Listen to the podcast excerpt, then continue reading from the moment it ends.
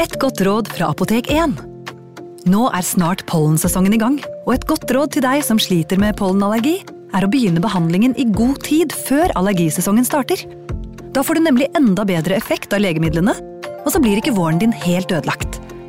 Kom innom og få råd på ditt nærmeste Apotek 1, eller chat med oss på apotek1.no. Apotek 1 vår kunnskap, din trygghet.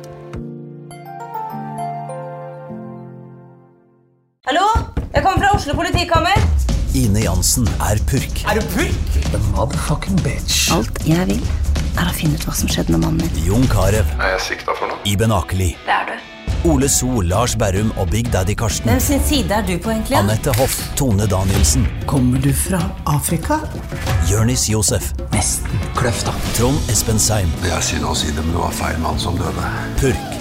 Premiere tirsdag på TV2 Play. Ungsamtalen fra DNB er økonomisk veiledning tilpasset deg som er ung. Bokk en ungsamtale på dnb.no. slash ung. Det er kjempebra hvis du skal inn på boligmarkedet, hvis det er drømmen din, liksom. Det er det du skulle sagt. Og så kunne du ropt litt mer, da, sånn som jeg gjorde. Bam! Advarsel. Historiene vi forteller i denne podkasten kan være fiktive og avvike fra den opprinnelige historien av dramaturgiske årsaker. Meninger og påstander i historiene reflekterer nødvendigvis ikke programledernes meninger eller virkeligheten.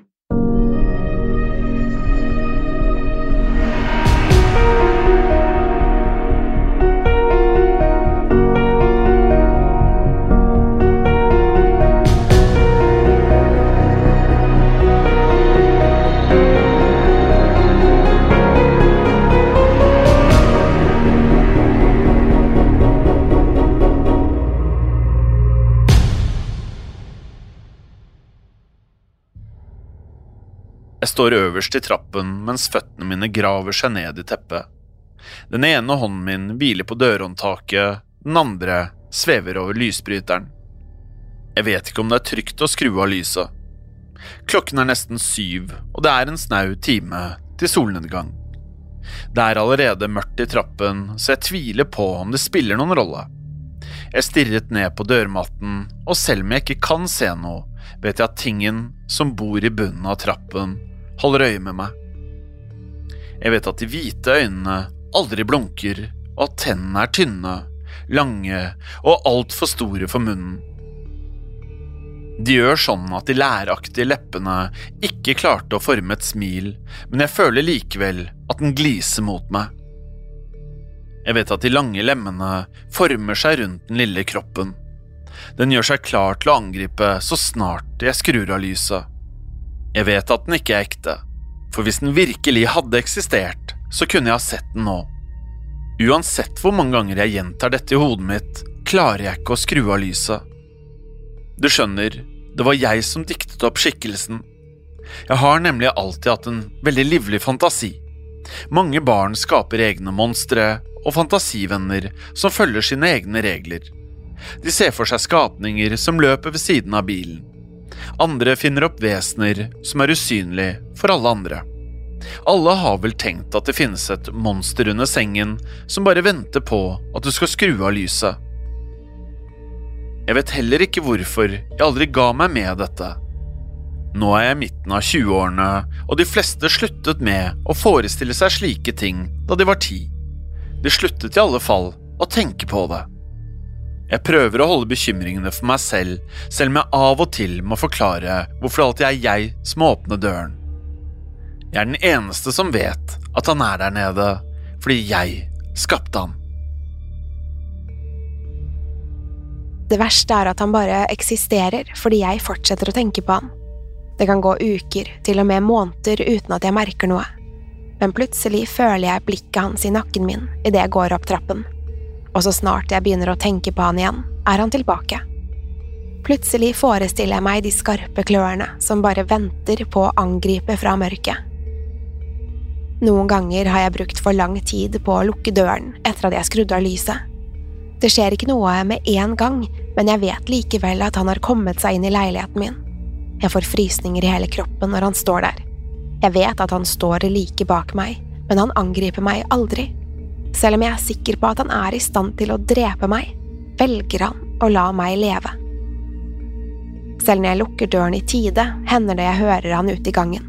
Det begynner gjerne med en lav dunkelyd rundt klokken to om natten, og denne dunkingen fortsetter helt til solen står opp igjen. Jeg vet at det er han som banker på døren. Han krever at jeg slipper han inn, men jeg blir i stedet liggende i sengen og lytte. Det er dette som gjør det så vanskelig å overbevise meg om at han ikke finnes. Jeg har nemlig hatt gjester som også har hørt denne lyden. Jeg vet aldri hva jeg skal fortelle dem. De kveldene han kommer seg inn i leiligheten, kan jeg føle at han ser på meg. Han står i døråpningen til soverommet, og jeg kan høre at han hveser. Kroppen hans vrir seg og stryker de skarpe klørne mot ansiktet mens han kikker inn på rommet mitt. Selv om jeg aldri har sett han med mine egne øyne, føler jeg noen ganger at jeg kan tyde et svakt omriss. Jeg ser truende skygger og merkelige brytninger i lyset. Min største bekymring er at han skal komme litt nærmere hver eneste kveld. Først holdt han seg i oppgangen, før han våget seg inn i leiligheten. I det siste har det føltes som han bare er en snau meter unna meg. Jeg kan fremdeles ikke se han, og fortsetter å fortelle meg selv at han ikke finnes på ordentlig. Likevel virker det som han blir mer aggressiv. Jeg vet ikke hva han er ute etter, men det føles som at jeg snart kommer til å finne ut av det. I løpet av noen få kvelder kommer han til å være så tett på at han kan røre meg. Det føles som at han har blitt raskere, han har i hvert fall kommet seg inn i leiligheten mye oftere i det siste. Kanskje han bare prøver å drive meg til vanvidd. I så fall er han i ferd med å lykkes. Jeg vet ikke hvor lenge jeg kommer til å holde ut. Jeg ligger våken om nettene fordi jeg vet at han står og ser på meg. Selv om han aldri har angrepet meg, vet jeg at han kan slå til når som helst. Mangelen på søvn holder på å ødelegge livet mitt. Jeg klarer ikke å gjøre jobben min og den konstante frykten har gått utover alle relasjonene mine. Nå er jeg lei av å være redd. Jeg er lei av å være fanget i min egen leilighet. Så i kveld har jeg ikke tenkt til å gjemme meg under dynen. I kveld skal jeg la døren stå åpen idet jeg skrur av lyset.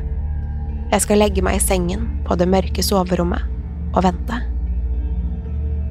I kveld, når han kommer inn på rommet mitt, skal jeg ikke late som at jeg ikke merker at han er der. Jeg skal ikke late som at han ikke eksisterer. I stedet skal jeg stirre inn i øynene hans og akseptere skjebnen min. Jeg er lei av å vente.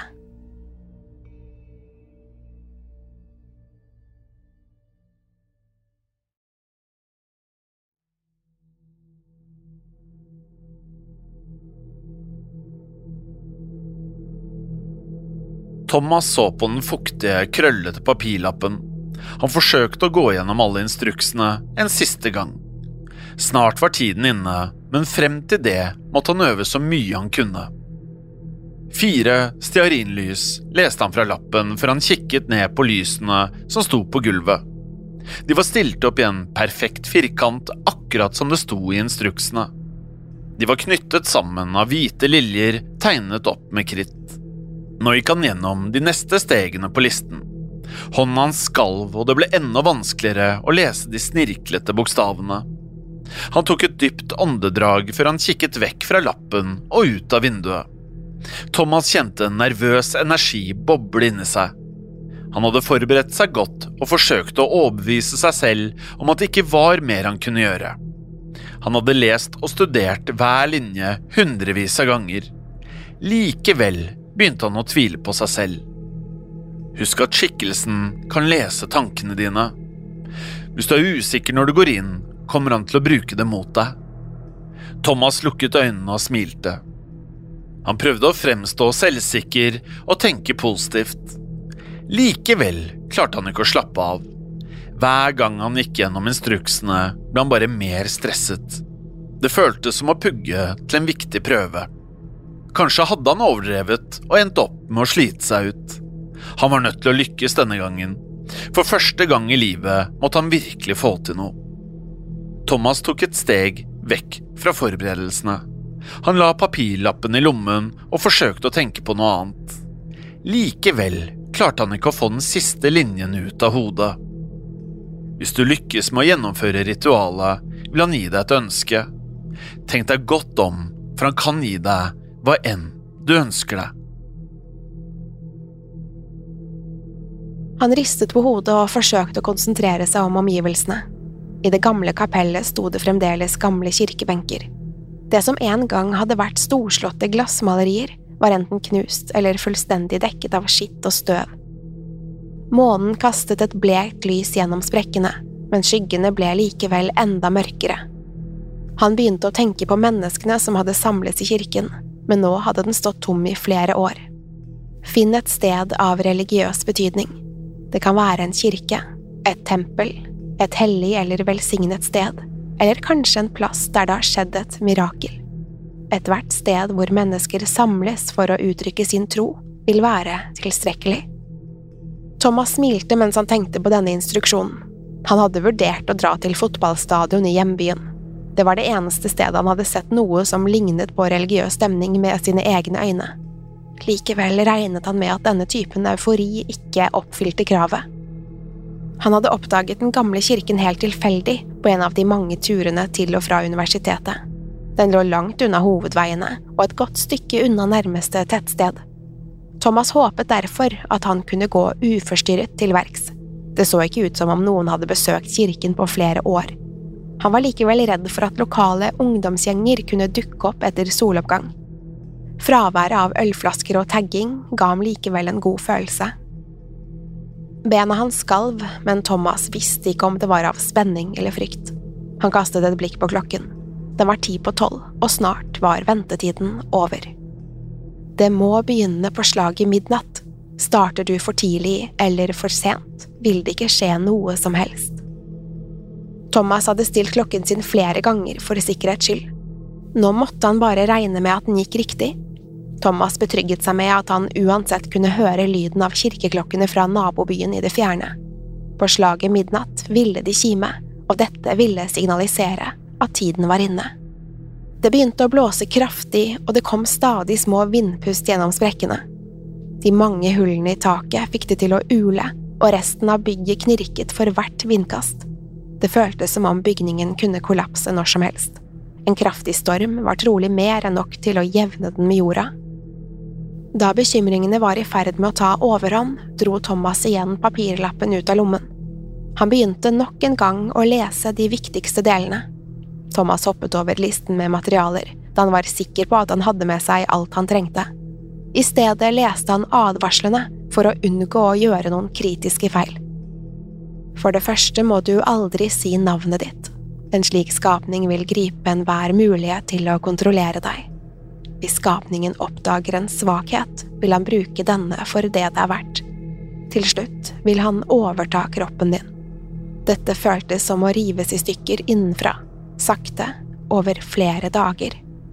De aller mest uheldige blir tvunget til å se med sine egne øyne at familie og venner blir slaktet ned.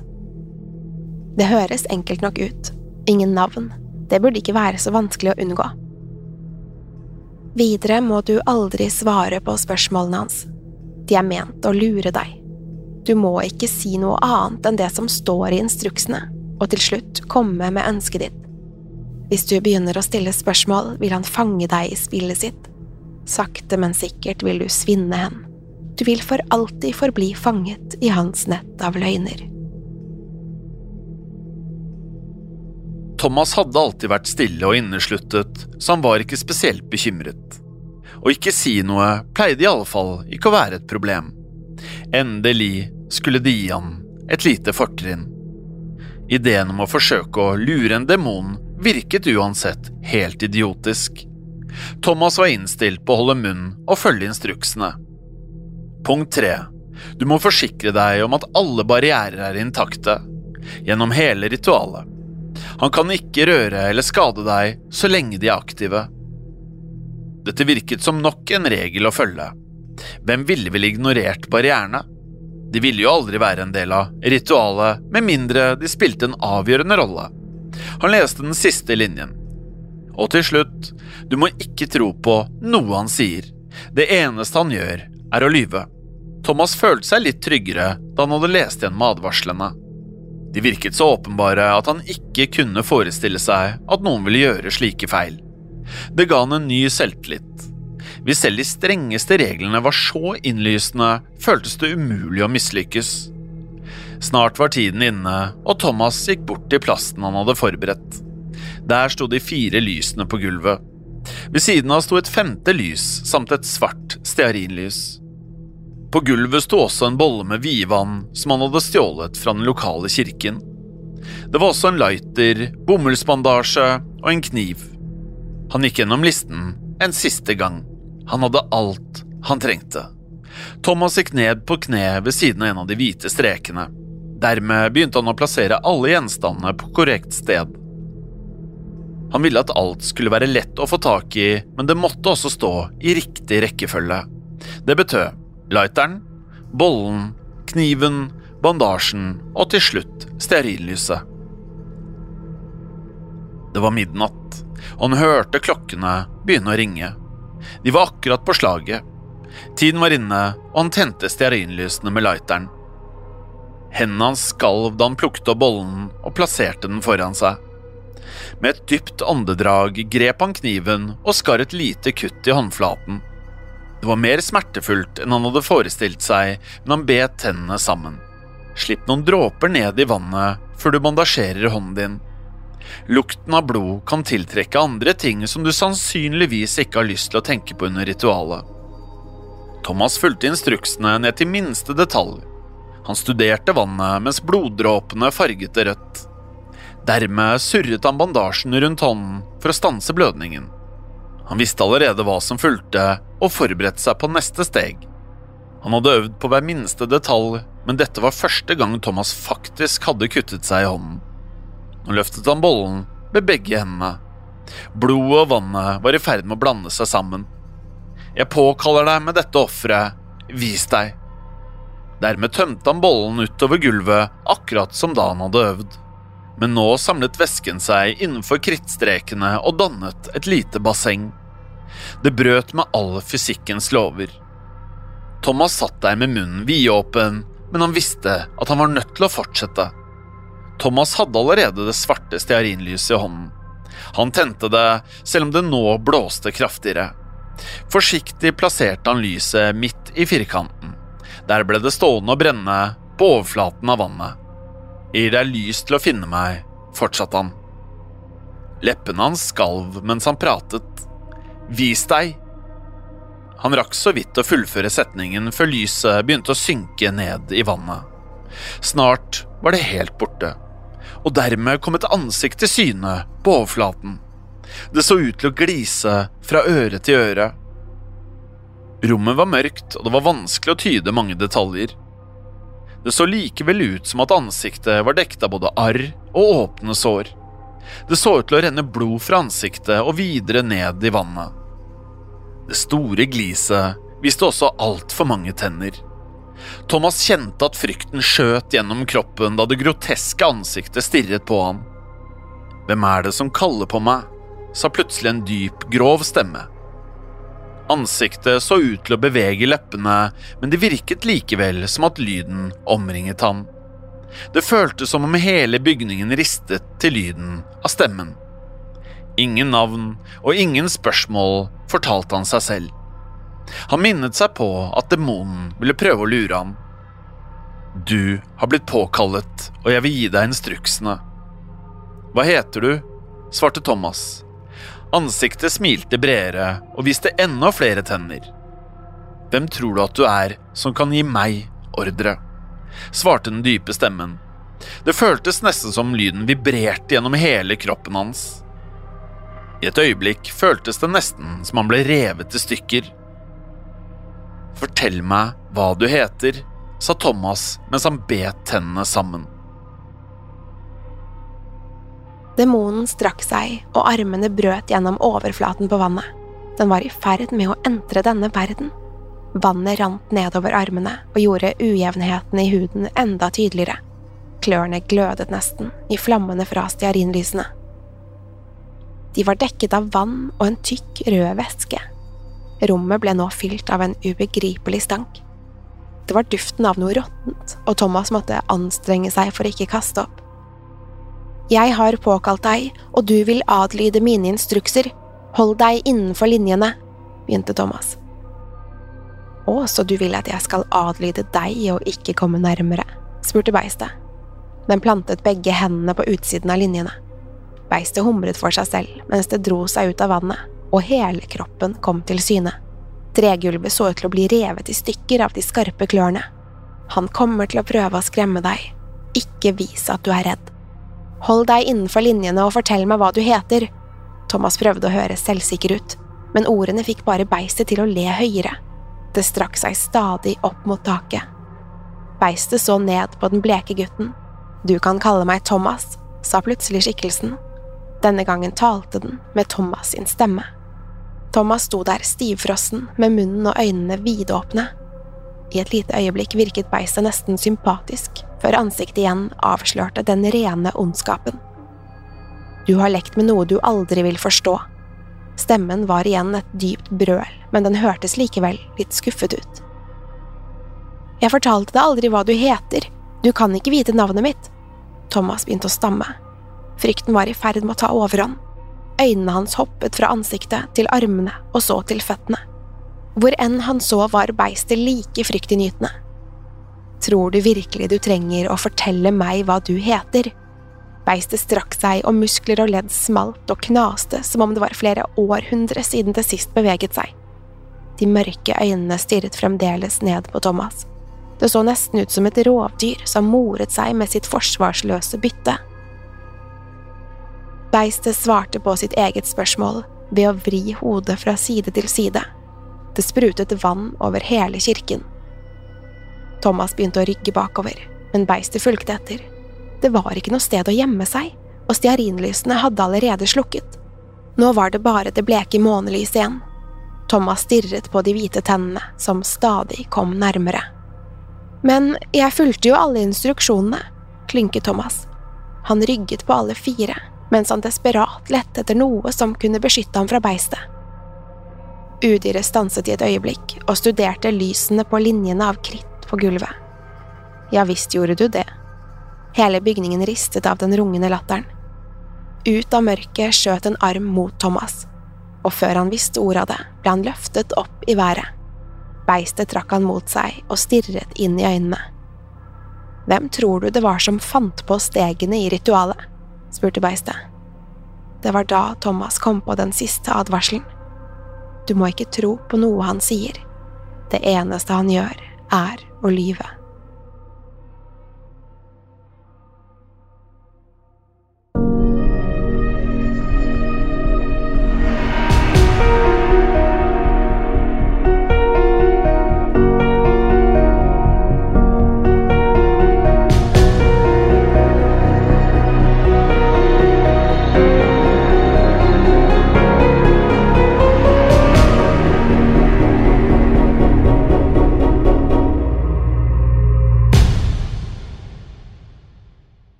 Ukens annonsør er Folio, en smartere banktjeneste for deg som har en egen bedrift eller ønsker å starte for deg selv.